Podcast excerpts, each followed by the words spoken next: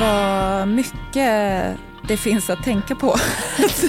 jag är inte sugen på en öppen relation. Nej, inte jag heller. Precis som dig kommer jag åka hem och pussa på min man nu. Ja, bara ha med fler perspektiv, att ifrågasätta normer generellt. Ja.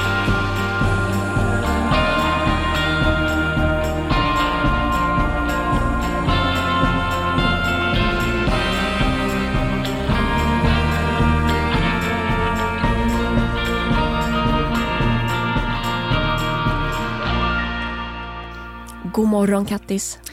God morgon Elin. Och god morgon Jonas som faktiskt sitter med i liksom studion.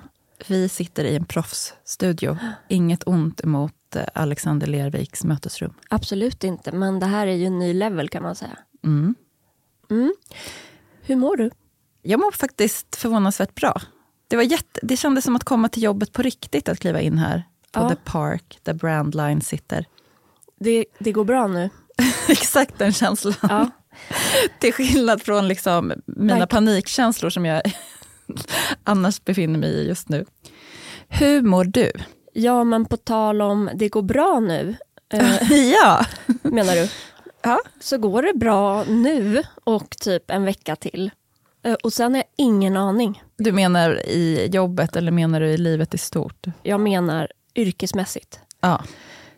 Alltså, vi har ju haft jobbrelation i förhållande presschef, journalist, redaktör. Mm. Men som vi berättade om i typ första avsnittet så hörde du också av dig gällande att starta eget. Därför att när jag gör något eller tycker om något, mm. då är det ju det, är det bästa som finns. Och sen är någonting värdelöst. Och då hade jag pratat väldigt mycket om att starta eget. Ja, du var ju så peppig. Det var det bästa. Ja. Och då hörde du av dig liksom, för att få lite tips? Eller så här, jag tror faktiskt att jag skrev på Instagram så här, shit nu, har jag, nu är jag frilans. Och då hörde du av dig för du var så generös. Låter rimligt. Toodiloo! det här är så bra. Där dök du upp, ja precis. Och var så liksom, extremt positiv till det här med att ha eget. Ja, vilket jag fortfarande är. Mm. Men något mer eh, erfaren kvinna är jag idag. Ett år senare. Ja, ungefär faktiskt. Ja. Därför att jag startade eget för fem år sedan. Mm. Av flera anledningar. Men den största var så här, jag vill kunna välja vilka bolag jag jobbar med och vad jag kommunicerar kring och skapar PR kring och marknadsför. Mm. Och jag vill vara fri och styra min tid. Mm. Under de åren har det ju peppa peppar liksom bara jag har haft fullt upp. Mm. Och det har varit så kul och jag har tänkt att äh, det är så livet är. Inge. Som ja, ja, det blir väl tufft någon gång och då, då, då köttar man. Ja. Och sen under våren nu 2022 så blev det tydligt så här, ja men nu kommer Svenskt Tenn som då var min stora kund sen, mm. under alla de här åren. De vill anställa och jag har min liksom, bana och väg jag ska gå.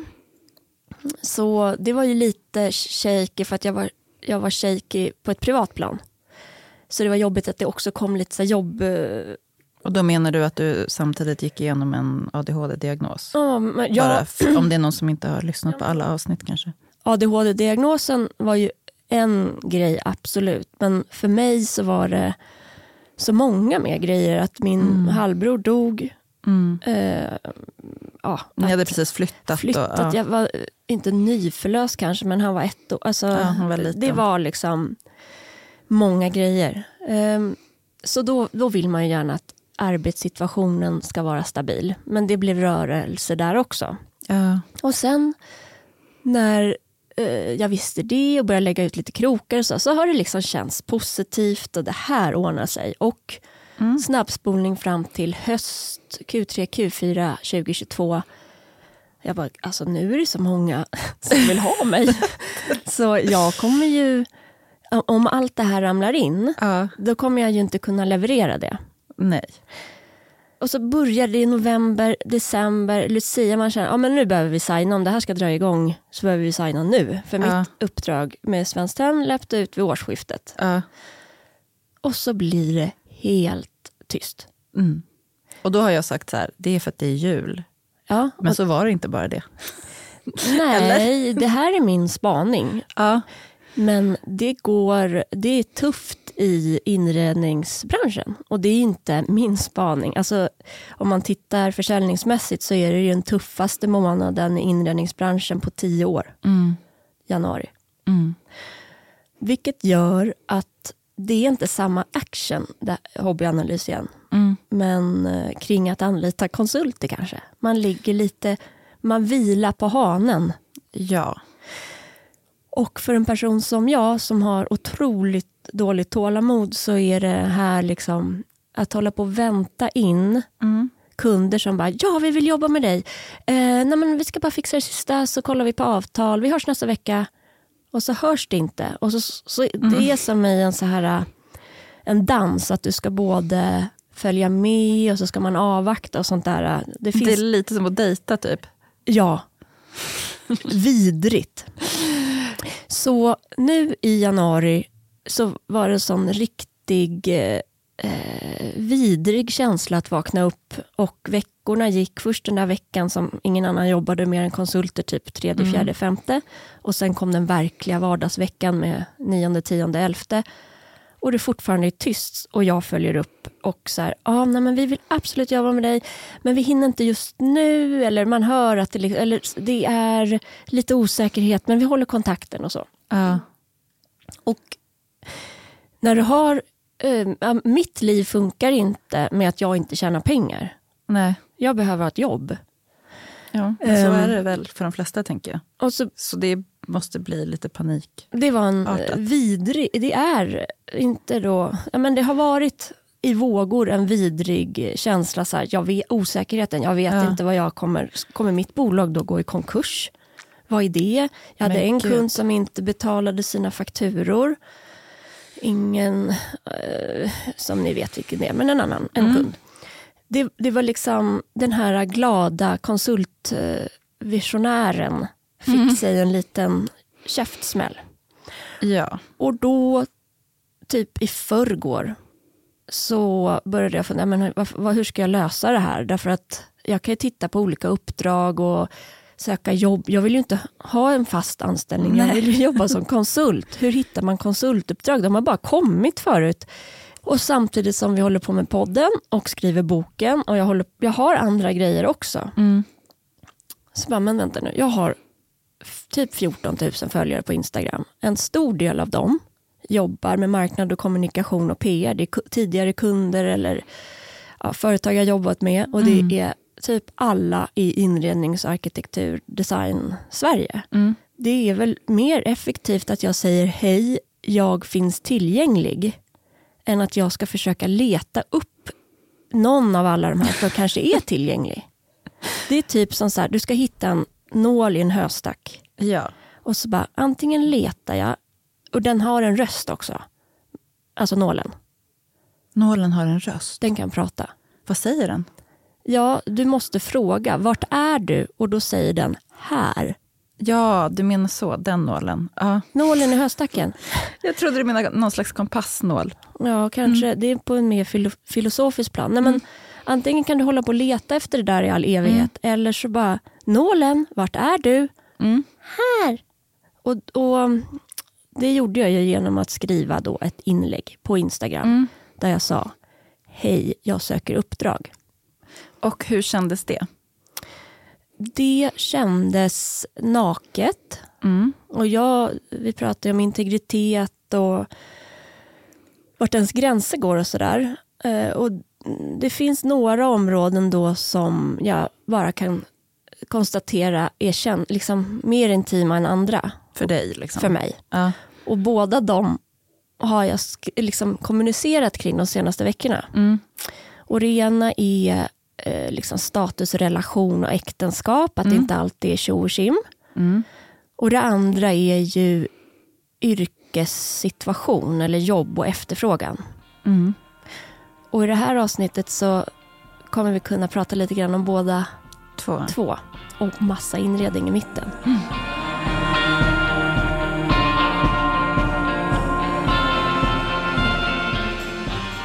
Men vad tror du är eh, som gör att det känns naket?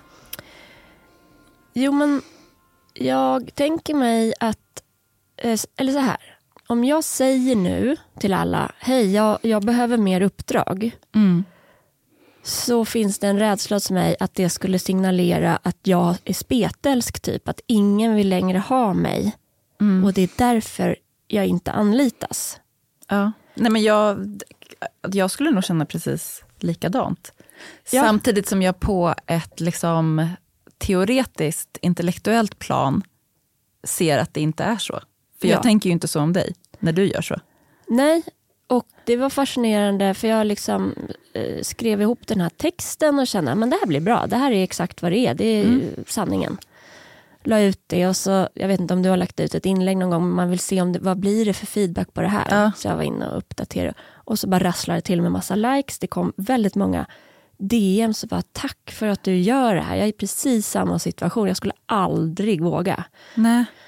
Och det är det som har pågått under det här dygnet. Och jag vet inte vad det är. Jag tror att varför jag gör det är för att jag är krassar. Att, eh, ja, men det, alltså, pragmatisk. Att om jag ska hitta uppdrag måste jag ju säga att jag behöver uppdrag. Mm. Eh, och jag vet att jag är bra. Och jag vet att de, de här potentiella kunderna nu som jag, alltså jag har tio möten inbokade. Tack vare det här På inlägget. ett dygn har jag fått tio ny, helt nya Tio nålar som skriker. Hej, hej! En i Göteborg, en uppe i Norrland, flera i Stockholm, eh, ett startupbolag, två Men- Bamse-stora inredningsbolag. Gud vad kul. Jag fattar ingenting. Men gud, det här tycker jag är så inspirerande. Alltså, put yourself out there.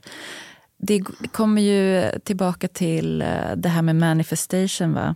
Ja, Man måste berätta för universum vad man vill ha. och om man inte har hört tidigare avsnitt där vi pratar om att manifestera saker.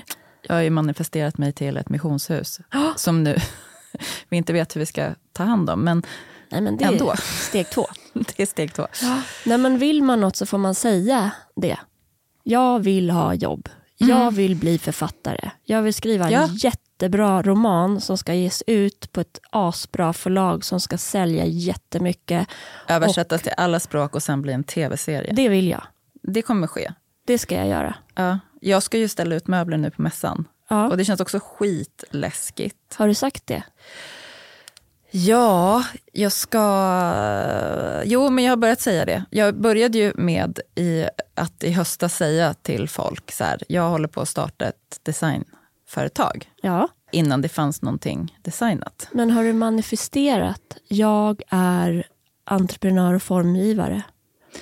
Jag tror att jag omedvetet har gjort det, för att jag Ja. kan se framtiden. Det är en härlig process ju, Mm. Att vara i. Men det är också skitläskigt när man då sen ska möta verkligheten. Ja. Men jag tänker när man gör såna där grejer som jag gjorde nu och säga eh, hjälp mig. Ni hör om något eller dela Mm. så blir det ju också någon slags gallring för den typen av människor som representerar företag som tycker att det där känns konstigt. Ja, Stämmer ju ändå då inte med mig. Det är ju verkligen sant. Då är det ingen, det, det blir liksom en, en snabb filtrering. Mm. Men jag vaknade i morse och kände så här... äh, Na, na, na, na, na. Ja, du kom, kom, kom till den här nya Yeah. studion med eh, den energin. Ja, nej men det bara, det ordnar sig. Och det här vet, ena rösten i mitt huvud, och som jag tror många entreprenörer har, är så här, det ordnar sig. Ja. Den har jag ju hela tiden. Men när du har sagt det ordnar sig månad efter månad efter månad och du bara, okej, nu behöver det ordna sig. Mm. Då är det skönt när det rasslar in lite meddelanden och bara, vi vill ses. ja, men det är ju fantastiskt. Vad känner du gentemot dem som har dragit ut på att skriva på? Ja, till er, eh, pip, eh, så vill, vill jag säga, eh, watch out, snart finns jag inte där längre tillgänglig. Nej, Nej exakt. Nej, men så är det ju ett bolag och är du liksom vd och ansvarig för ett bolag så behöver du ju välja när det kommer tuffare perioder vad, liksom hur du ska ta hand om företag och Ja, det är inte bara inredningsbranschen som har haft den fattigaste månaden nej. i, liksom, på tio år. Jag tror att det gäller typ varenda människa Ja, i Det- Sverige. Typ. ja. Så jag förstår allt det. Jag tycker om när man är tydlig och inte undviker saker i kommunikation. Ja, det är liksom ett tips till andra människor generellt. Du jobbar ju med kommunikation, så lyssna på Elin. Ja. Och nu ska jag då också säga att alla som ska till möbelmässan, gå till Älvsjö gård och titta på Mattsson Manells bord. Jo! För där, där eh, får vi se framtidens formgivning. Ja. Eh, och kom också att lyssna på eh, alla talks, för jag ska stå där och vara konferencier. Och kom eh, jättegärna till pressöppningen eh, på morgonen i Victoriahallen. Det ska bli så kul att jag håller den på engelska. Mm. Jättekul. Nej men det ska bli kul efteråt. Och på lördagen kör vi livepodd. Ja, för lördagen är ju dagen för allmänheten. Så vi ska köra vår första livepodd. Och, och alltså här, jag skulle verkligen bli så glad. Om ni tänker så här, vi kanske skulle gå på den här äh, möbelmässan eller furniture fair. Mm. Tänk inte bara, gör det. Kom till oss äh, och supporta. Precis. Vi ska spana på... Ja, men vi ska kolla på de trenderna som vi snappar upp där och se hur man kan liksom implementera det hemma. Ja, för Furniture Fair är ju en fackmässa för inredningsarkitekturbranschen. Ja. Men det är där man också ser, även om det är offentlig miljö, eh, Vi kallar det off-it. ja, off-miljö, så är det ju, man, man kan ju skönja trender där som eh, man kommer sen se i hemmamiljöer. Ja, men precis. Och sen så, ja, men på Älvsjö gård till exempel så ställer det ut eh, gallerier och sånt som är lite mer cutting edge. Nu är jag kanske bias eller vad man säger, men det händer ju så sjukt mycket med Furniture Fair och Stockholm Design Week i år. Ja, Det, jag har aldrig eh, under de år, nej, under de här 10-12 åren som jag har haft det som en, Mm. en referens, som en plats att, som jag besökt och Mm. varit del av. Så hatten av för Hanna Nova. De är ju ett litet team som jobbar stenhårt. ja, Men verkligen. Shit vad de jobbar. Älvsjö gård är ju öppna, det är en ny grej. Ehm, De kommer vara Stockholm Design Week Nights. De har event på kvällen. Precis, det finns en app man kan ladda ner och där kan man också se vilka som är öppna för allmänheten. Ja. Alltså vilka events och showrooms och så som är öppna för allmänheten. typ allt. Alltså ingen säger nej om det kommer en människa och vill titta på en utställning. Men om ni vill känna er också inbjudna, så kolla där. Och eh, det är ju så här tre pressbussar med internationell press Vilket är helt sjukt. jämfört med en som jag har jobbat med tidigare. Hello and welcome to the pressbus. Nu är det, alltså det, är som, det är verkligen skalas upp. Eh, och, ehm, Ja, det men känns- jättemycket spännande. Um, front eh, är eh, hedersgäster. Guest of honor, ja, Första svenska hedersgästerna. på denna skandinaviska designmässa.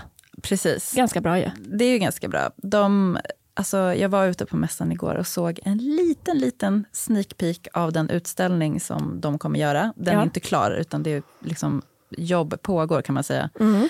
Men det såg faktiskt väldigt fint ut. Och Jonas Bolin Jonas Bolin. fyller 70 år på fredagen, alltså den tionde. Ja. Så om du träffar på honom måste du säga grattis då. Men framförallt så har han ju tillsammans med Kristin Ingridsdotter gjort underbar, en bar, en designbar. Mm. Där möblerna är antingen återbrukade, alltifrån frackskjortor som används på något nytt sätt eh, till bord och stolar från restauranger som han har formgivit sedan tidigare, som lånas in. Eh, Sen ska han också sitta och knåpa ihop lite lampor själv och sådär, har jag förstått. Ja, eh, det där ska bli spännande att se tycker Ja, det jag. kommer bli jättefint. Och Emma Olbers, Ja, en av våra främsta formgivare här i Sverige, hon är ju även liksom miljöaktivist. mm. Hon eh, ska göra en jätteintressant eh, utställning om material som jag tror är så här, det kan låta så jäkla osexigt. Material, det, det är så otacksamt att Ja. det ordet låter tråkigt. Men jag tror att hon kommer presentera det på ett extremt tydligt sätt. Att liksom för ett kilo koldioxidutsläpp får du så här mycket trä och så här mycket skinn. Det kommer bli tydligt och göra att man kan själv också göra bättre val. Mm. Det är bra. Ja, Och då behöver jag slå ett slag för min eh, kund Drömtrappor. Nej, men och igår hade vi pressvisning av Hemvist. Är drömtrappor som har anlitat Alexander Lervik för att formge en ny trappa till eh, hemmamiljö egentligen. Också med din kund för att vi ska vara Ja, jag måste transparenta. transparenta och eh, det är de värda. De fyller 100 år, Mm. tillverkar sina trappor i, eh, utanför Skellefteå. Mm. framförallt av virke från området. Du vet, så man ska, ja, men det här är överhuvudtaget i, i inredning och designbranschen så finns det så många bolag som så här, ja, men nu pratar vi hållbarhet. Ja. Och så finns det andra företag som man kommer till och de bara, jo men vi, vi skulle väl vilja liksom komma ut med med det här. Och så grottar man så bara, halleluja. ja, att det inte är så här, äh, vi tillverkar i Europa, luddigt, luddigt. Nej, Utan, ja. Bra, bra, bra.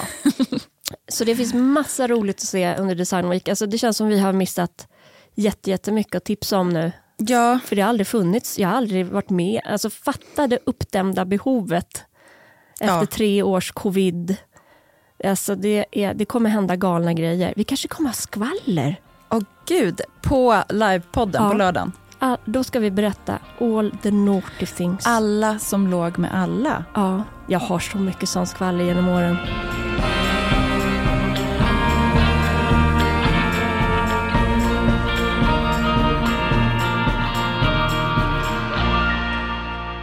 Tal om att ligga med alla. ehm, stay tuned, för vi återkommer till det. Men först ska vi prata om växter. Ja, det är också sexigt. Verkligen. Hur mår dina växter? De är så sorgsna. Lysterlösa, Mm. hängiga. Mm. De, även om jag vattnar dem, vilket jag hela tiden glömmer just nu, så har de ändå typ lite fukt kvar, men de är ändå inte glada. Det känns nästan ruttet i, i krukorna. Typ så. Jag vet, det är ju liksom slutet av januari. Jag tror att våra krukväxter kan liksom inte må sämre än vad de gör just nu. Nej, men vet du vad jag känner? Mina krukväxter lever, så jag har ändå gjort rätt val. Mm. Du menar det här att, för det är ju tips kring det hemtrevliga hemmet, att växter är ju ett, ett sånt liksom byggsten för att det ska bli hemtrevligt. Och man behöver inte vara någon trädgårdsodlare för att lyckas, utan man Nej. testar sig fram. Och när man har gjort det i några år, då har man märkt plötsligt vilka som har överlevt. Ja, precis. Jag håller med dig 100 procent. Det finns en enda och det är palettblad. Som alla säger är så enkelt. Vi borde funka. Jag Ja. köper stora såna där du vet, man bara känner att Nej, men du, jag måste ha dig. Du är Mm. röd och yvig och, och man ser eh, vitaliteten. Ja. Sen har jag den ett halvår och så tänker jag typ att jag ska ta sticklingar eller något för den börjar få så, liksom armarna, de kommer gå av snart. Ja. Och sen går det åt helvete. Och nu har jag ju då en bamsekruka för att den var så stor. Ja. Där det står upp små arma satar som de ser så ledsna ut. Jag vet inte. Vad, ska jag, vad gör jag för fel? Palettblad är inte min vän. Det vill säga, jag känner inte hen. Hon, det är en så kvinna. jag, jag känner inte henne. Så jag kan tyvärr inte ge dig något råd. Men eh, Malin Brostad på Instagram, Mm. Vi får vi får vända henne. oss till dig. Och så ska du få ge alla dina bästa tips eller så bara copy-pastar vi för de ligger säkert någonstans. Mm. Men vad tråkigt. För att, mm, det är ju något när man investerar i en relation Ja. och sen så bara dör den. Det är trist. Alltså hortensior inomhus vet man ju att det här, det här blir inte långvarigt. Nej, de blir torra direkt. Typ. Ja, de är som små alkisar. De behöver vatten och dryck liksom hela tiden. Ja, det funkar inte med mig. Jag har faktiskt också haft en sån någon gång. Mm, jag har haft en sån många gånger. Eh, och sen, om det är någon som hade förväntningar på att mimosan skulle leva längre än en kväll, så eh, sorry, den, den gör inte det inomhus. Alltså, kvi- nu pratar jag snitt plötsligt. Ja, men vet du vad jag såg nej. på Instagram? Att Carolina Storm var i någon blomsteraffär där det fanns mimosa i kruka. Oj, Och då kände jag så här, äh, det, maybe that's a thing. verkligen finns det. Ja. Däremot så, så kände hon att det inte var värt... Pengen. Nej men liksom, den, vi vet ju hur känsliga de är som snitt. Att, att Den kommer nog vara ganska kinkig. Mhm. Jag skulle ju lätt hoppa på om det stod en i en kruka. Ja, det- det tycker jag. Det, det saknar jag hos dig. Ja, jag Att den ska, inte finns där. jag ska ordna. Ja, vet du, du kallar ju den blomma för dagen. Ja. Och när jag fyllde år så fick jag en underbar bukett av dig. Ja. Och den följde med mig kring stan. Ehm, jag packade in den till slut i lite olika påsar. Ja. Och eh, alltså de kvistarna stod i flera dagar. Är det sant? Ja, Kvalitet. ja det var verkligen kvalitet. Jag kanske gillade den här lite kyliga cykelkorgstämningen. Kanske. Who knows?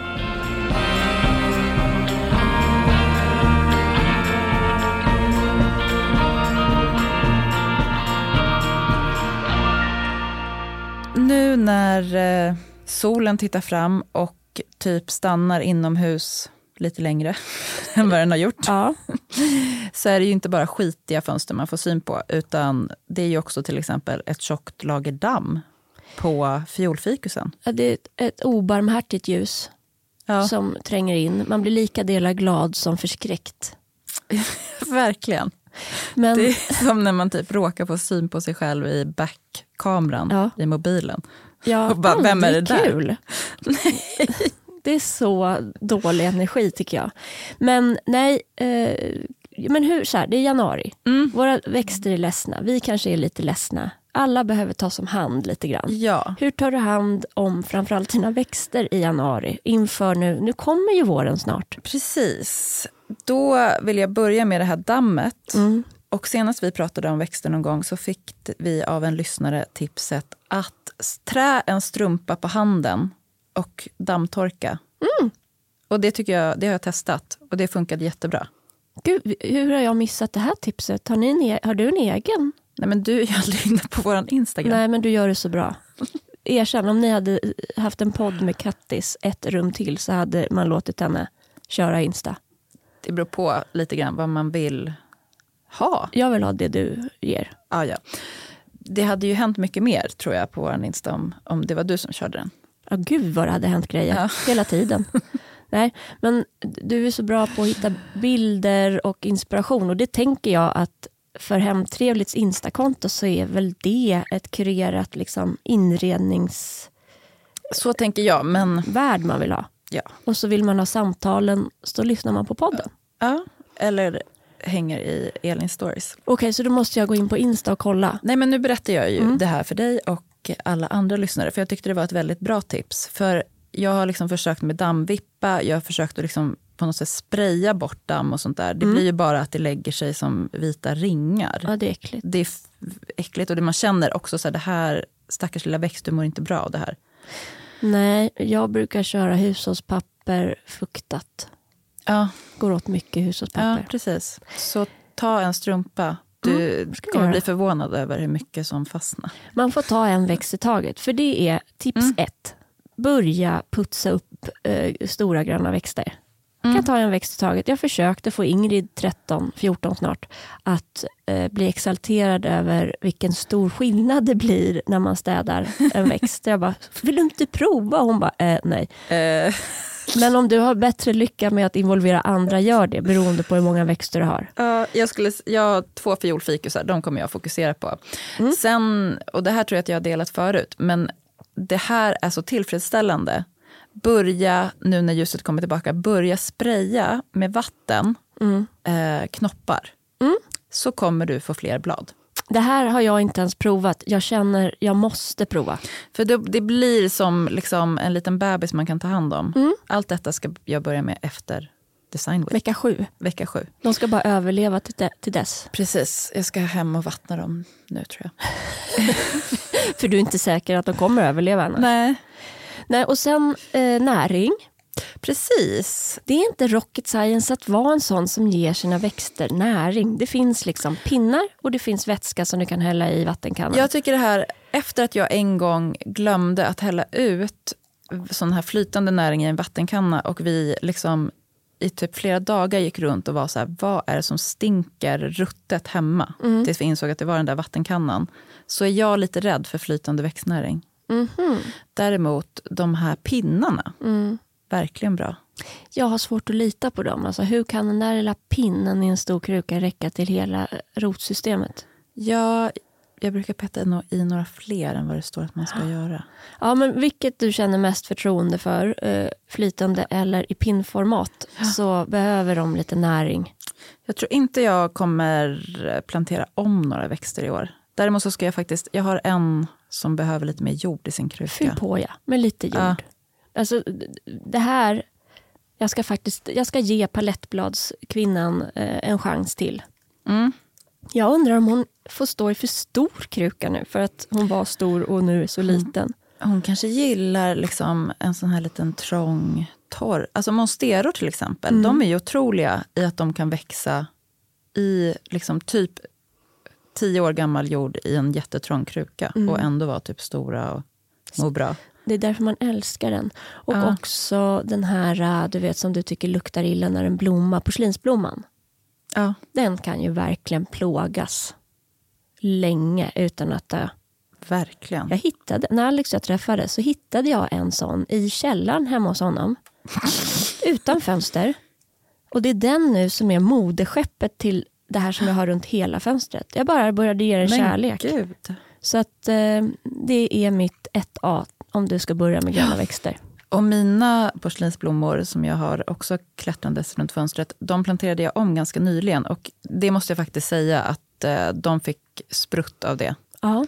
För en av dem är också så en stickling vi fick när vi flyttade in Mm, från några kompisar. mysigt. Det är fin gå bort-present också. Det är verkligen en jättefin gå bort-present. Och det tänker jag är bra att göra nu så att de har ljusa delen av året att växa på sig. Ja, proff, proffsråd tror jag det där var. Verkligen. För sen, det är nu vi får passa på att ta hand om det där inne. För sen kommer i alla fall jag överge allt där inne och så fort det går vara ute i trädgården så mycket det går. Ja. Jag har någon naiv idé om jag, att jag ska lugna ner mig lite med odlandet. Fast samtidigt så är det ju i år du ska vara hemma hela sommaren. Är det inte i år du ska köra? Jo, men jag kanske inte måste öka från förra året som var sinnessjukt. Vet du vad jag har en förhoppning om? Nej. Att du så fort det börjar blomma ska komma med en, eh, en närodlad bukett till mig varje tisdag när vi spelar klart. in. Herregud. Alltså, jag kommer kunna ha självplock. Mm. Dessutom, alltså, jag kan gärna göra en bukett, men jag menar det är så mycket blommor. Ja, det ska bli kul. Det låter så lyxigt. Jag känner liksom trädgård, hemma i radhuset. Vi har ju planer nu ändå på att vara i missionshuset hela sommaren. Ja, just det. Det är ju ett nytt liv som öppnar sig. Och den trädgården är ju liksom... ja, Jag vet inte ens vart man ska börja. Jag tror vi måste ha ett avsnitt om det. Känns det som att ni har tagit det vatten över huvudet med missionshuset? Ja, lite grann. Eftersom jag inte är säker på att vi har råd att byta det där taket som måste bytas nu. Ja, Så jag, ja. välkommen till min värld. Det är så kul med hus. ja. Nej, men jag, vi var ju i missionshuset för ett par veckor sedan. Och jag kände verkligen så för första gången att det här är vårt hus. Och det här är vår plats på jorden. Och jag vill bara börja skrubba och riva upp och greja. Men just taket känns Trist. svårt. Innan vi går vidare in på det här, vad som händer med relationer när hus kommer in i bilden och så vidare, så vet jag att du har ett sista asbra växttips. Ja, därför att när man då toppar sina krukor med ny jord kan man ibland få lite ovälkomna gäster. Mm, de där Blomflugor. vidriga asen. Vidriga. Jag, vet, jag har fått för mig att ju billigare jord, desto mer såna flugor. Vet du vad, jag, förlåt, men Lotta Lundgren, Ja. är hon tillsammans med han som var tillsammans med hon? Ja. Hon destillerar jord. Hon, hon häller på kokhett vatten på sin jord innan för att det inte ska finnas någon ohyra. Och den här farbror grön vet jag stoppar in jorden i ugnen. Farbror grön. Han har en blogg och en Ja, podd okej. har han haft förut. Mm. Men om man då får in dem, då finns det ett tips som funkar. Och det är nematoder. Vad hette det sa du? Nematoder. Okej. Det är någon slags parasiter. Mm. Som man, det är som en liten gegga man köper och typ måste ha i kylskåpet. Det här är någonting som lever. Eh, som man blandar ut i vatten, häller på krukan där det finns. Eh, och sen så ger de sig på äggen. Så att det typ inte blir några larver och så blir det inga myggor. Ljuvligt. Och två veckor det här har vi använt då en gång när jag råkade köpa billig jord på plantagen och fick sorgmyggor eller vad det nu är i Mm. varenda kruka. Du vet när man var så här duktig och Det är verkligen vidrigt, det är hemskt, planterade inte om. rättvist. Man gjorde allt för de där växterna och så As. fick man äckelflugor. Två veckor efter att jag hade hällt på de här nematoderna så var det borta. Det är första gången jag hör om ett sånt här tips som funkar. Jag ska Mm. prova. Gör det.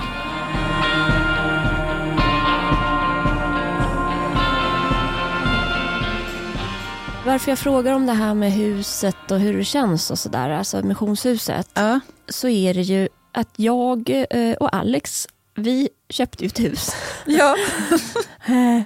och renoverade det ordentligt. ja.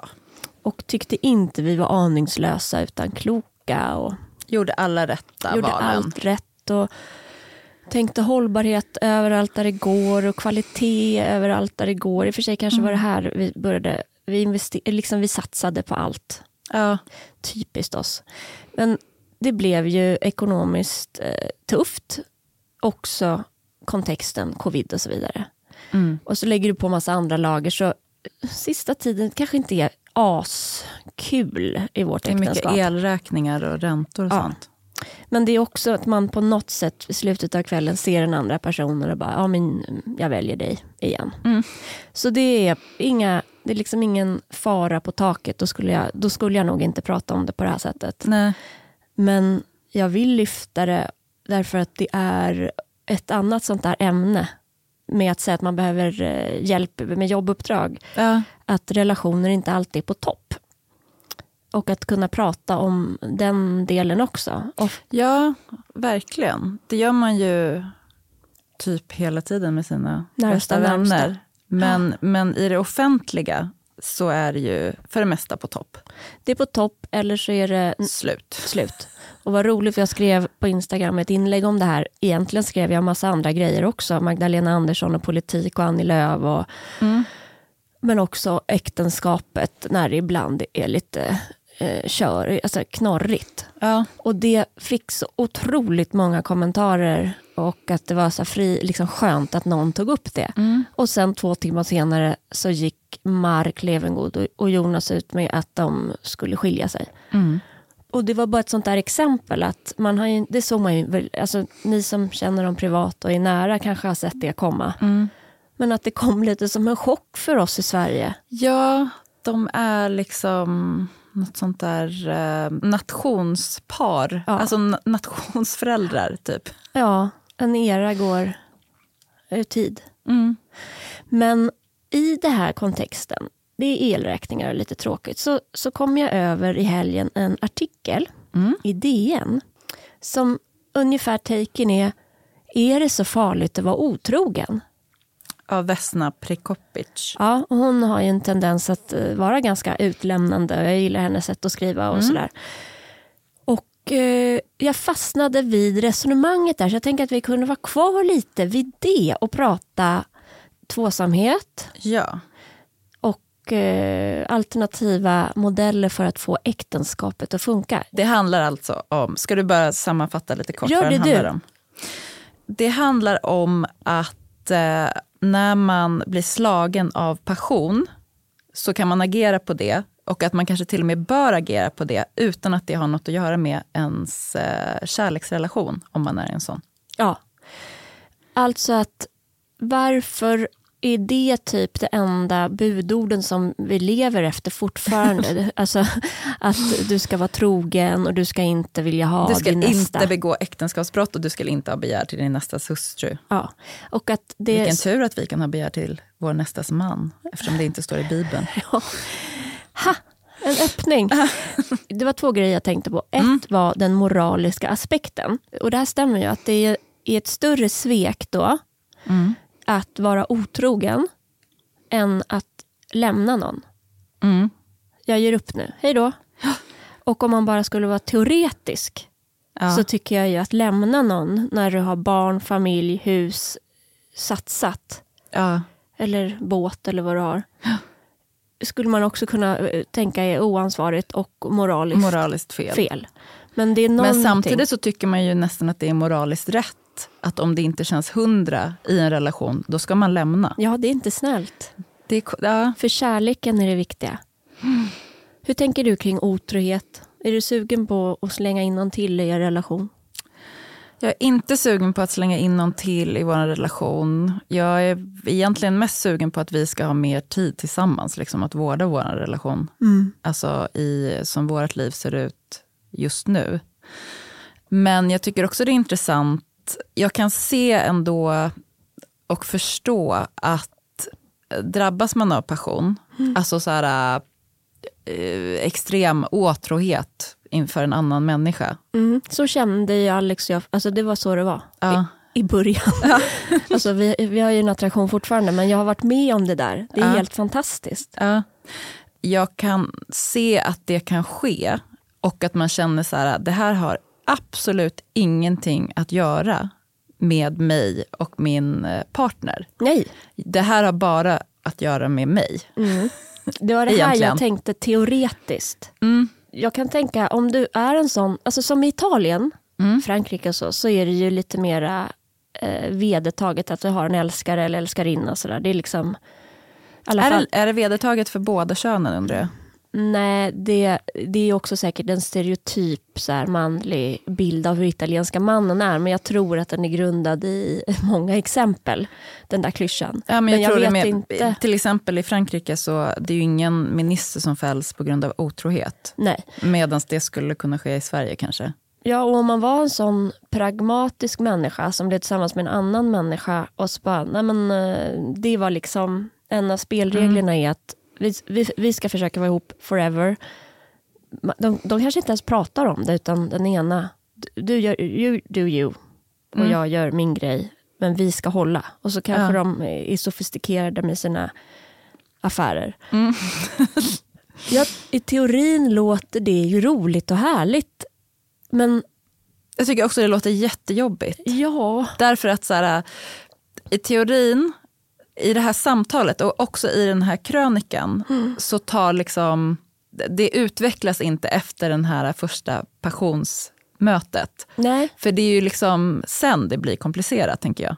Ja, jag, jag, jag håller med dig. Och, och då tänker jag att det är också så här, att jag skulle tycka det blir jobbigt. Och då vet inte jag om det är för att jag är inlärd att typ sex och alltså har man sex med någon så har man ju också någon slags relation. Det behöver inte vara en kärleksrelation men det är ändå en person som man sen har i sitt liv på något sätt. Ja, men man Eller? har en annan persons kanske kroppsdel in i sin egen kroppsdel. Det är väldigt intimt. Ja. Nej, och eh, jag kan bara konstatera att det skulle aldrig funka. För jag skulle känna efteråt att jag hade förstört allt. Och så skulle jag hata mig själv så mycket. Så att jag skulle heller inte kunna följa det rådet. Säg inte, det där får du leva med då. Alltså för jag skulle bara... Alltså, det, det, det, skulle, ja. det skulle vara ett gift som spred sig i mig. Och i allt, det skulle vara... Ja men så skulle det vara. Eller så här, jag vet liksom, vi har pratat om vart våra gränser går. Nu har ju vi varit ihop i snart 20 år. Så det är liksom... Är det något du vill dela med dig av? Nej men vi, för oss har vi sagt att det går vid liksom en kyss. Mm. Men det kan man ju också diskutera, så här, tankar. För jag kan tänka att det är inte negativt, varken för mig eller Jacke, att man typ att någon flörtar lite med en och att man kanske flörtar tillbaks. Dels så tycker jag att jag är liksom, har fått högsta vinsten som har träffat en människa som jag trivs så bra med och älskar så mycket. Mm. Jag det känner också så. Det vore respektlöst att eh, riska det på något sätt. Men det som är spännande är ju vad man riskar då. Mm. För det finns den här, um, vad hon nu är, psykolog på något sätt, Esther Perel, mm. som pratar och skriver mycket om att vi liksom idag har så extremt höga förväntningar på den personen vi är ihop med. Att den ska, vara liksom, den ska leverera på varenda, på varje behov vi har, så ska den leverera tipptopp. Typ hora madonna-komplexet? Uh, inte bara, alltså vad menar du nu? Nej, men att det är svårt uh, att både vara modern uh, som tar hand om barnen och sen också bara, fuck me. alltså att det kan jag tror typ att det behöver inte vara så svårt, eller? Nej, men du menar att man ska vara Nej, bästa jag menar vännen. att man ska vara, precis, att man ska vara liksom... Praktiskt lagd. Ja, man ska, funka, man ska vara bästa renoveringspartnern, man ska vara bästa projektledarpartnern, man ska vara bästa samtalspartnern, man ska vara bästa sexpartnern, man ska vara bästa, inte vet jag.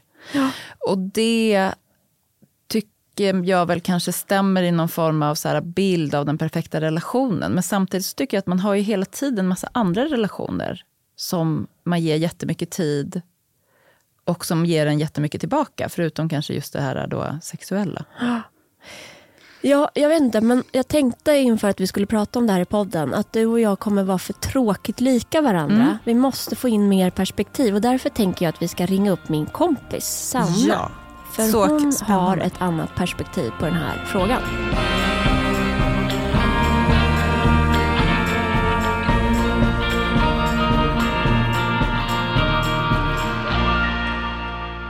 Hallå? Ja, det är Sanna. Hej, Hej Sanna, hur är läget? det är bra, hur är det med er? Det är, det är bra. bra. Ja, vi ska försöka inte prata i mun på varandra, Kattis och jag. Men Vad pratar ni om? Vi pratar, vi pratar sex eh, och otrohet. Eh, och eh, såg du den här artikeln i DN i helgen om just... Ja, alltså, det, nej, jag läste ju liksom inte hela utan jag såg ju att du hade lagt upp något om det. Så att, jag vet inte exakt. Summa summarum var väl någonting om otrohet. Precis. Och, eller monogami liksom. Just det. Mm. Mm. Den är ju skriven av, uttalar det där så fint? Eh, Vesna Prekopic. Som håller på och eh, resonerar kring det här med otrohet. Är det så farligt egentligen? Eh, vilka positiva effekter det skulle kunna ha och har på en del relationer. Och mm. jag tycker också det är spännande för hon lyfter det här med moralen. Att det är då moraliskt fel att vara otrogen men att lämna någon, skilja sig, det är mer moraliskt rätt. Mm. och så höll, håller vi på, jag och Kattis lever ju i varsina monogama heterosexuella äktenskap med barn. Och det går ups and downs. Ni har varit ihop mm. i 20 år, Alex och jag är 12 år. Mm. För mig, jag läste den här i helgen, Alex och jag, vi har det bra, alltså vi har det helt okej. Okay, men det är, mm. det är så här, vad heter det, oxmånad, januari, ja, vi jobbar, det är elräkning, det är design week. Mm. Och så blev jag liksom lite så här, jaha men nej. Och så till slut landade jag, nej men det, det går inte, jag kan inte vara otrogen. För vår deal när vi gick in i det här var du och jag och inga andra. Mm. Men hur ja, tänker men du? För du är ju, vi har känt varandra länge och jag vet att du har kloka tankar kring det här. Mm. Hur lever du? Eh, ja, alltså, jag, jag var gift i 15 år och levde i ett, ett eh, traditionellt monogamt, eh, ja, i en, en sån relation. Mm. Det gick alldeles utmärkt. Jag tror inte att det här med att vara monogam eller, eller flersam, eh, att, att det egentligen är någon personstil. Utan precis som allt annat i livet så förändras man mm. över åren och man hittar nya vinklar och man vill utvecklas åt olika håll och saker som man kanske har förkastat tidigare eh, tycker man helt plötsligt är intressant. Vad den handlar om, mm. inte bara relation eller sexualitet eller någonting sånt utan det kan vara jobb eller det kan vara ja, men liksom, att ha kort eller långt hår eller vad som helst. Jag ska aldrig eh, klippa håret och nästa månad så har man en kort frilla. Eh, just det här att, att vara öppen, men jag tror att just när det handlar om relationer så, så lever vi efter den här gamla konventionsboken som är ganska tung och med också förväntan från generationer eh, före oss och så vidare hur saker ska gå, hur det ska gå tillväga helt enkelt. Mm. Jo, men jag tänker om man eh, skulle, uh, tror du, om jag skulle, vi säger så här, mm. att jag skulle bolla med dig, jag är gift och så mm. Mm. Ja, väga fördelar och nackdelar. Tror du att mm. ett par, typ som jag och Alex, eh, som har levt länge ihop och haft en deal, plötsligt kan börja prata om det här och väva in en annan mm. partner. Tror du på det riktigt mm. eller är det liksom bara... Ja, ja det Nej, tror du? Nej, det tror jag definitivt. Ja, det tror jag. Mm. Jag tror det absolut är mycket enklare som när jag gick in i en ny relation ja. och att vi båda pratar om det från början. Då blir det väldigt enkelt. Mm. Alltså, eh, då blir det ju inte den här känslan av att om du säger helt plötsligt till din partner att Hörru du älskling, ska vi inte ta upp vårt förhållande? Det första den känner då är ju kanske att jag är inte tillräcklig. Definitivt. Eh, och och det är, ju- dit, dit vill man ju aldrig liksom komma utan det handlar ju om, om eh, det handlar ju om liksom fantasier, man kan ju inte gå in i någon annans hjärna. Du, man kan ju inte styra över sin partners hjärna. Det går inte det ens går att ju styra över sin egen hjärna tycker jag ibland. Nej, Nej, men, exakt. ja, men precis. Men vad som kan vara ett tips om man själv går runt och känner sådär att eh, jag skulle tycka det var spännande, det skulle vara spännande att bara lyfta det här, liksom prata om det Mm. i, med min partner. Då skulle man ju kunna ta hjälp till exempel av en kompis som kanske lever i en öppen relation eller har experimenterat lite eh, med det eh, under en middag så börjar man prata om såna här saker. Och då blir det enklare att... Vänta Sanna, stopp, avbryt. Bjuder du in dig själv nu till en middag med mig och Alex för att, att, att prata om det här? Nej, Nej. det sa jag inte. Men, men, men jag, Är jag, du, jag sa vill du det Elin? Vill du att Sanna ska komma? Aldrig i livet.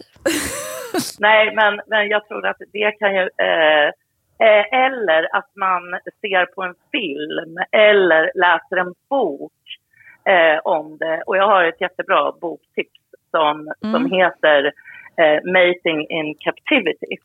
Gud vad det Eh, låter och- som typ en djurpark. Mating in Ja, captivity. ja. Är det det vårt Ja. samhälle är?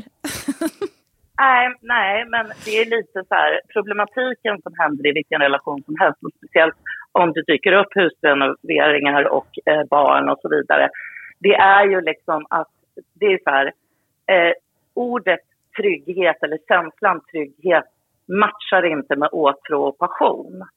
Ja. Åtrå och passion, det är liksom kopplat till någonting som är lite kanske spännande, farligt. Eh, eh, det är liksom mark man inte har klivit på tidigare. Alltså, eh, allt det där eh, tillsammans då, att koppla ihop trygghet och det eh, är väldigt svårt.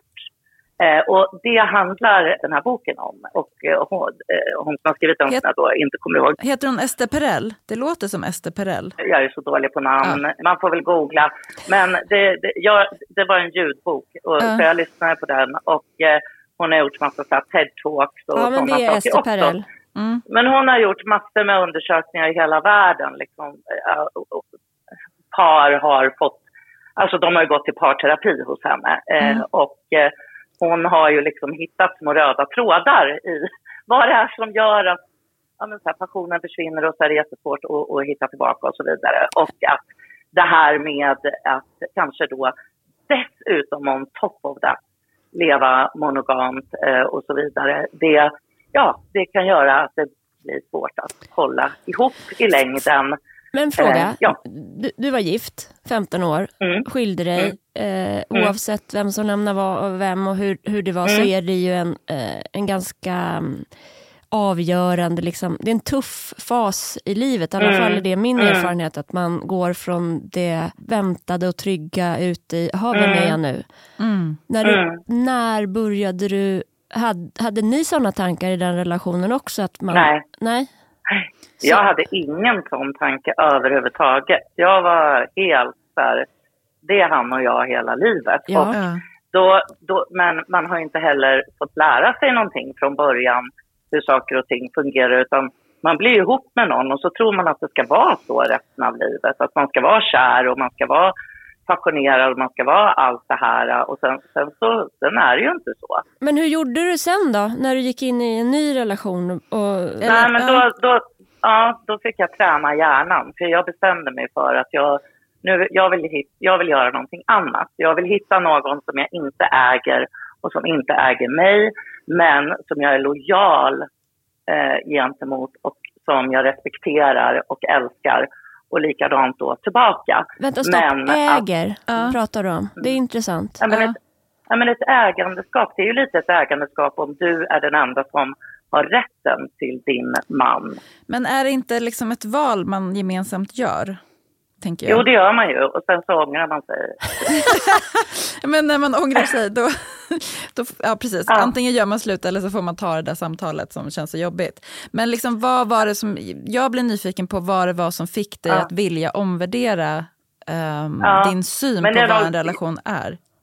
Mm, det, eh, dels att jag kanske är lite anarkistiskt lagd och inte gillar konventioner. Att det ska vara på vissa sätt. Mm. Eh, så vadå, varför ska det vara det? Är det enligt lag? Är det lagstiftat? Åker jag i fängelse? Alltså, jag ville sätta mig själv utanför det där och också ta bort från mig själv en oro som de flesta människor har i en relation. Hur den andra tänker, gör. Oj, kollar han på porr eh, för sig själv? Eller, eh, alltså det kan ju vara precis vad som helst. Jag, jag kände att jag ville... Nästa grej jag skulle göra skulle vara något som är helt öppet och att vi kan vara helt transparenta med mm. våra tankar kring andra människor i periferin. Men hur och, tog du upp det då med den här nya relationen? Jo, men ja, det var nog ganska så här... Vi, sånt pratade vi om på en gång därför att vi hade bara kul till att börja med och mm. hade andra människor som florerade runt också, båda två. Mm. Och sen, så att det, det blev ju ganska naturligt att eh, när vi liksom då bestämde oss för att ja, för nu tycker vi om varandra så mycket så nu ska nog vi liksom vara ett par. Mm. Eh, och hur gör vi det då? Ja, men då har vi ju en öppen relation och då får vi sätta guidelines, vad som är okej okay och inte mm, okej. Okay. Och, eh, och, och, och sen så är inte det hugget i sten, utan precis som med allt så förändras det saker. Att någonting som man då kände kändes okej okay till en början, kanske börjar skava efter ett tag. Nej, jag mår inte bra eh, av det där eller det där. Ja, då får man kolla över det där och rätta till det. Kommunikation, liksom hela vägen. Alltså, det, det låter ju, ju det, precis, mm. det låter ju verkligen egentligen som, oavsett om mm. man vill välja att leva i en monogam relation mm. eller, eller en öppen relation. Mm. Eller liksom polyamorös. Liksom, polyamorös mm. relation. Mm. Så, så låter ju det som så här, en otrolig grund. Eh, som, det är som ju en grund inte ha när man är så 20 på något sätt, som jag var när jag träffade min kille. Att, man. Nej men precis, för att då är ju sexualitet något helt annat eh, än vad det är när man blir äldre. Och speciellt också som kvinna. För vi utvecklas lite långsammare generellt liksom, i vår sexualitet. Men jag tror att just det här att kunna vara öppen och skratta om saker och knasiga idéer och fantasier eller liksom vad som helst. Det gör ju att det blir lätt att kommunicera om andra saker i vardagen också. Sexualiteten är ju vår absolut starkaste drift, ja. drivkraft. Så det, det är någonting som, som ska vara enkelt att, att prata om, men när det hela tiden är förknippat till kärlek så blir det eh, genast problematiskt. Mm. Det är inte alltid kärlek utan eh, det är något helt annat. Men känns det inte som ett livsfarligt experiment? Alltså... Jag tänker så här, att om han skulle gilla någon annan mer än mig så skulle han göra det ändå. Jo, men i då, alltså nu leker vi med den här tanken, men i en heterosexuell, mm. alltså i en, vad heter det, monogam, monogam eh, relation mm. så mm. kan man ju vara sugen på något då men du kan liksom inte utforska det för dealen är de här uh, Men det kanske du gör ändå för då är du ju otrogen. Ja och då, då kommer vi till otrohet. Mm. Ja, och då kanske du hittar den här andra och sen så försvinner du med den. Om jag ger honom access till att han får göra precis vad han vill så blir det också ganska ointressant. Men om man skulle mm. göra något utan att berätta det för dig? Nej men det, så, det funkar ju inte. Då är ju han otrogen. Ja. För det har ni liksom ja. satt upp tydliga regler kring. Ja. Men jag har en fråga. Precis. När man då ändå liksom fysiskt, eh, alltså man ligger med en annan person eller vad man nu gör. Mm. Hur, eh, tänk om man vill fortsätta göra det, eller liksom hur förhåller de här olika relationerna till varandra? För det kanske börjar mm. med eh, liksom passion och mm. i stunden, men sen Sen mm. har man ju gjort det och så finns det ändå en relation där efter det på något sätt. Eller hur, hur mm. hanterar man det? Det där är, det finns ju liksom inte någon sån här regelbok bok som bara, okej, okay, hur ska vi göra nu när vi ska ha en öppen relation? Och så är det liksom tio punkter. Jag vet att vissa människor, de har som princip att de till exempel inte pratar om sina äventyr som de har, för de vill inte veta om varandras äventyr. Mm. Andra vill veta detaljerat. Andra upplever saker tillsammans med sin partner, med andra människor. Det är ju det som kallas att swinga eller man bjuder in en tredje part, en tjej eller kille. Vi eller... blir raggade på faktiskt, jag och Alex, Just det. av ett par ja, återkommande. Ja, det, ja och, det, och, och, och, så kan det ju vara. Men, men just det här att det är, det är olika för precis alla. Jag till exempel, jag tycker det är ytterst obehagligt att bara tänka tanken att han sitter och har så här kul med en kvinna och eh, dricker vin och pratar om livet. Det är jag mer bekymrad över än vad som händer bakom stängda dörrar. Eh, det blir jag mer liksom, svartsjuk på än, än de liksom, köpsliga lustarna. Ja, alltså jag, ja, när jag hör dig prata så rationellt så tycker jag det låter ganska logiskt. Mm. Men jag känner också mm. så här typ sorg. Alltså inte för ditt liv utan mm, jag, nej, jag, jag, jag, tänker för mitt. Nej men jag, ja, det vet jag att jag inte behöver. Men, eh, nej, men att jag blir nästan gråtfärdig i Nej, om om mm. ni skulle öppna upp er relation, är det den tanken? Eller ja. blir du gråtfärdig över att ni inte har öppnat upp er relation? Varför har jag väntat? Nej men helt ärligt mm. så tror inte jag att det är en bra grej. För, alltså just det här att du och jag, eh, trohet, mm. alltså det är liksom en sån, mellan oss mm. är det mm. en viktig detalj. Mm. Eh, det är någonting mm. som man, kommer, man har gamla erfarenheter i bagaget, att kunna mm. lita på varandra. Att hur mycket någon flörtar med dig eller bekräftelse du får så händer ingenting som skulle såra mig. Mm. Så det, det, är nog bara att jag vill typ åka hem och pussa på Alex och säga vi ska aldrig vara otrogna. Men... Nej men precis, och det ska det ju inte. Ja men otrohet, alltså det handlar ju liksom om att man har, man har ju brutit eh, liksom ett löfte eh, mm. till varandra.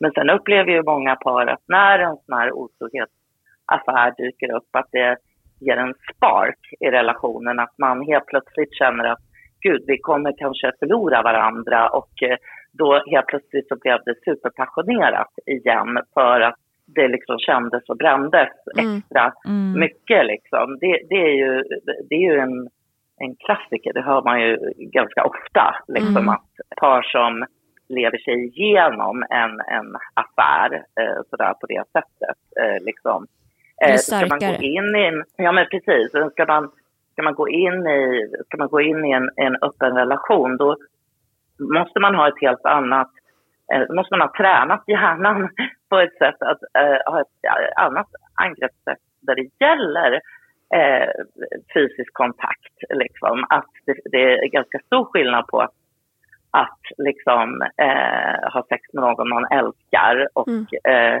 ha sex med någon som man inte älskar. Mm, men... Eh, snarare som en sportaktivitet eller jag vet inte. Ja, för det, det som slår mig lite grann när jag, eh, när jag hör dig prata, att du tar liksom sex på lite större allvar, att det inte eh, är någonting bara... Det är inte självklart. Nej. Nej. och det är jättesunt tror jag. Eh, men hur vårdar ni det i er eh, relation generellt? Liksom, har ni så här, på torsdagar ligger vi, eller när jag gör så här blir han kåt? Det ligger jämnt. Ja. Mm.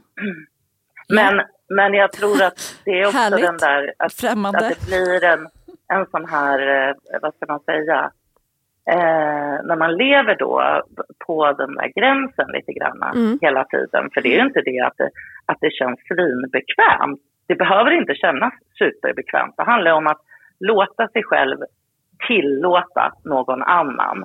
Hon säger det så bra i den där, eller i TED Talk där hon förklarar hur hur hon sitter med sitt barn i knät och, och eh, ja, vet inte, matar barnet eller vad som helst, släpper ner den på golvet och, och, och sen så vill den upp igen i knät och, och man välkomnar den liksom tillbaka. Och sen när man blir lite större eh, och ska ut och resa helt plötsligt som barn. Eh, då den här mamman som, som säger till barnet, stick iväg, ha kul, kom ihåg att höra av dig till mig och jag längtar så tills du kommer tillbaka. Den personen mår ju bra av att komma hem medan om barnet får höra nu är mamma så orolig och du måste... Då blir inte resan bra för personen som drar mm. iväg. Och då kanske inte personen ens vill komma tillbaka till mamman. Och det är ju en metafor för hur man i en öppen relation behöver eh, vårda och vara entusiastisk för den andras äventyr. Sen är ju det där också så här helt olika hur man är som person. Om man, jag tycker ju om att få eh, saker delade med mig. Liksom. Att, du vill veta gör, hans grejer han har varit jag, med om? Ja, ja för det, då känner jag att jag är tio och ett. Liksom. Mm. mm. Att jag är on, ja, men så här, on top. toppen av, av, av allt. Så att det är viktigt att, ja, men liksom, um, om jag ringer så ska han svara. Det är inga konstigheter och sådana saker. Liksom. Mm. Att man är helt öppen i alla led. Mm. Att det är inte, man lurar inte in någon människa i någonting. Liksom. Ja. ja. Men alla är olika, så man får hitta sina egna guidelines. Vi, vi ska uppdatera våra. Nu har vi haft våra i ett par år och det är några saker som, eh, så här, ja men de här grejerna ska vi titta över. Det här ska Stopp, vi det vill vi veta så. exakt. Ja. Trial error, vad, vad, vad ska justeras? Nej, det får vi ta vid nästa tillfälle tror jag. kan vi ta över ett glas vin? Allt behöver inte delas. Nej. Även med Nej. Liksom, offentlighet. Nej. Nej. Men alltså, eh, stort, stort tack att du delar med dig av dina tankar. För det är så det är ju liksom en så himla ny företeelse, de här monogama relationerna som är byggda på kärlek och inte mm. bara ekonomi på något sätt eller typ ägandeskap mm. rent fysiskt, alltså mm. rent så här, mannen mm. äger kvinnan. Så det, det är liksom, egentligen borde det ju vara värsta experimentverkstan. Lite mer kanske. Egentligen, jag tror att det är så här att det, det är det att vi har liksom satt upp den här, och det här är ju hur jag själv känner, jag mm. menar inte att det är så, att man sätter upp kärleken så högt på en pedestal liksom, så, att det, så att det nästan blir eh, orimligt. Eh, om man vårdar varandra och liksom ha, får allt det här att fungera, varför kan inte jag dela med mig av, av det då? Liksom, eh, jag, jag känner att jag vill, jag vill vara givmild. Man lever för kort stund på den här planeten för mm. att inte kunna få experimentera. Och om det blev lite knasigt mm. så måste man kunna prata om det och säga att det där kändes inget bra för mig. Liksom. Ja, men okej, men då, då får det ju inte vara så nästa gång. Liksom. Precis som med vad som helst. Att det här är så hysch-hysch och det ska det ju inte vara. Vi lever ju i det varje dag att vi älskar någon och renoverar. Ja, men om man är i en relation. ja, så lever man i varje liksom, dag. Det är ju ens liv. Ja, liksom. man, mm. ja, och det är laga mat och det är hämta en påsar med mat och det är barn och det måla om och liksom planera semestrar och allt vad det nu är för någonting. Mm. Och eh, det får inte bara ta över. Nej. Vi behöver Nej. runda av, men jag har ändå eh, en tanke här. Det måste vara att det här är ju ett otroligt intensivt jobb med egot. Ja, det är det. Ett enormt. Alltså, jag tampas varje dag med olika saker som gör att jag behöver utveckla, liksom ställa mig utanför och bara, är det rimligt att jag känner så här mm. just typ, nu? Typ. Nej, men att, jag, att om jag känner oro för någonting, så här, säger inte han nu vem han pratar med? Sitter mm. han och textar med någon nu som inte jag har blivit informerad av? Du vet, jag är ju informations eh, liksom, eh, jag vill vara i kontroll. Jag vill, bara jag vet så är jag helt lugn, då spelar det ingen roll. Så du försöker alltså, ändå skapa en kontroll i det fria? Ja, ja, ja alltså kontrollen är ju guidelines, sen kan man ju inte, sen kan man ju inte kontrollera precis allting. Men det handlar mer om kanske då misstro. Att jag till exempel tror att han gör någonting utan att säga det till mig. Mm. Varför skulle han göra det? När vi har en öppen relation. Mm. Alltså, mm. du vet, det är som när du pratar om så hur man jobbar med sig själv, alltså ja. att man måste jobba med sig själv hela tiden, att man ändå försöker hitta den där min partner gör nog ändå fel. Liksom. Ja. Jag förstår inte vad du pratar om. Nej. Han är otrogen fast vi har Ja. den här... Ja, man kan ju då också vara otrogen i en öppen relation. det har vi Egentligen. För det lärt handlar ju om att, eh, Ja. vad man har för överenskommelser. Och att det känns som att den största lärdomen är ju egentligen, oavsett hur man lever, att man faktiskt pratar Ja. om vad man har för överenskommelser.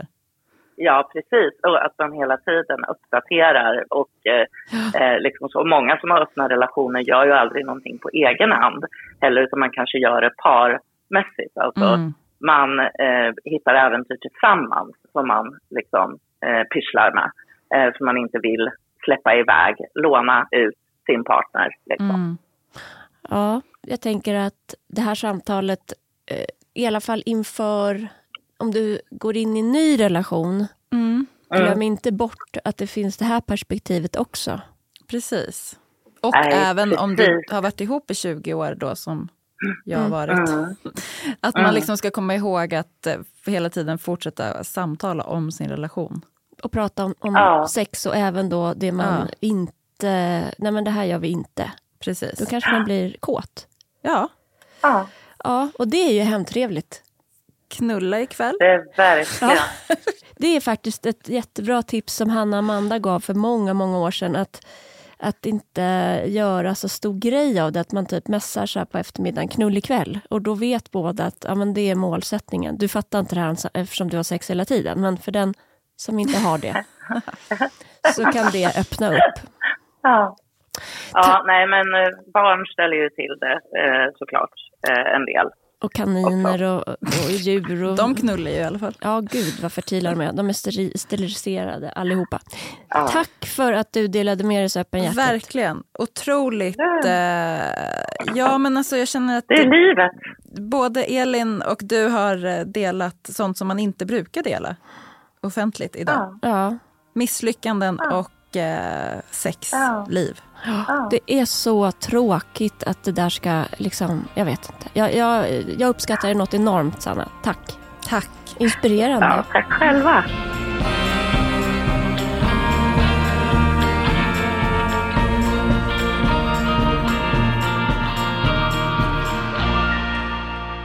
Vad tänker du? Jag tänker eh, vad mycket det finns att tänka på. jag känner mig liksom helt så här, eh, wow, vad, vad vi hann med. I det här avsnittet? Ja. Och, men jag tänker också med samtalet med Sanna här, liksom hur... eh, Nej, men jag känner mig liksom att just nu, jag är inte sugen på en öppen relation. Nej, inte jag heller. Alltså precis som dig kommer jag åka hem och pussa på min man. nu. Ja, och eh, däremot så tänker jag för just det där vi liksom sa på slutet när vi pratade med henne också, men att bara ha med fler perspektiv, att ifrågasätta normer generellt, även i ny, framför allt i nya sammanhang. Så här. Fast jag tycker att det liksom är viktigt även i eh, livet i stort. Särskilt kanske när man har så här, eh, det tuffa på. Mm, Att man ändå måste påminna sig om att man har valt mm, det här. mm, Oavsett om det gäller så här, du har ju valt att du vill vara egen företagare. mm. Då får jag stå mitt kast. Ja, men då, liksom, då är det faktiskt det valet som kanske är viktigare. Mm. Än, och så får det här vara konsekvensen. Och eh, att man också ska påminna sig om varför man har valt sin relation och varför man väljer att vara kvar i den Mm. hela tiden. Just Design Week har en så här liten... Det är lite pirr för att första gången vi träffades var i ett sånt sammanhang. Alltså första gången vi sa hej till varandra. Ja. Så det, du vet, det är som en låt eller en doft eller en plats. Att det liksom väcks till liv. Spännande. Så Design Week eh, är bra energi för vår relation. Ja, härligt. Ja, men nu är det helg. Nu är det helg. Och det ska bli skönt. Jag ska som vanligt försöka göra så lite som möjligt. Jag ska som vanligt just nu försöka skriva lite på vår bok. Typ. Just det, det gjorde jag i natt. Mm, kommer att bli bra. Ha det så bra allihopa. Trevlig helg. Trevlig helg.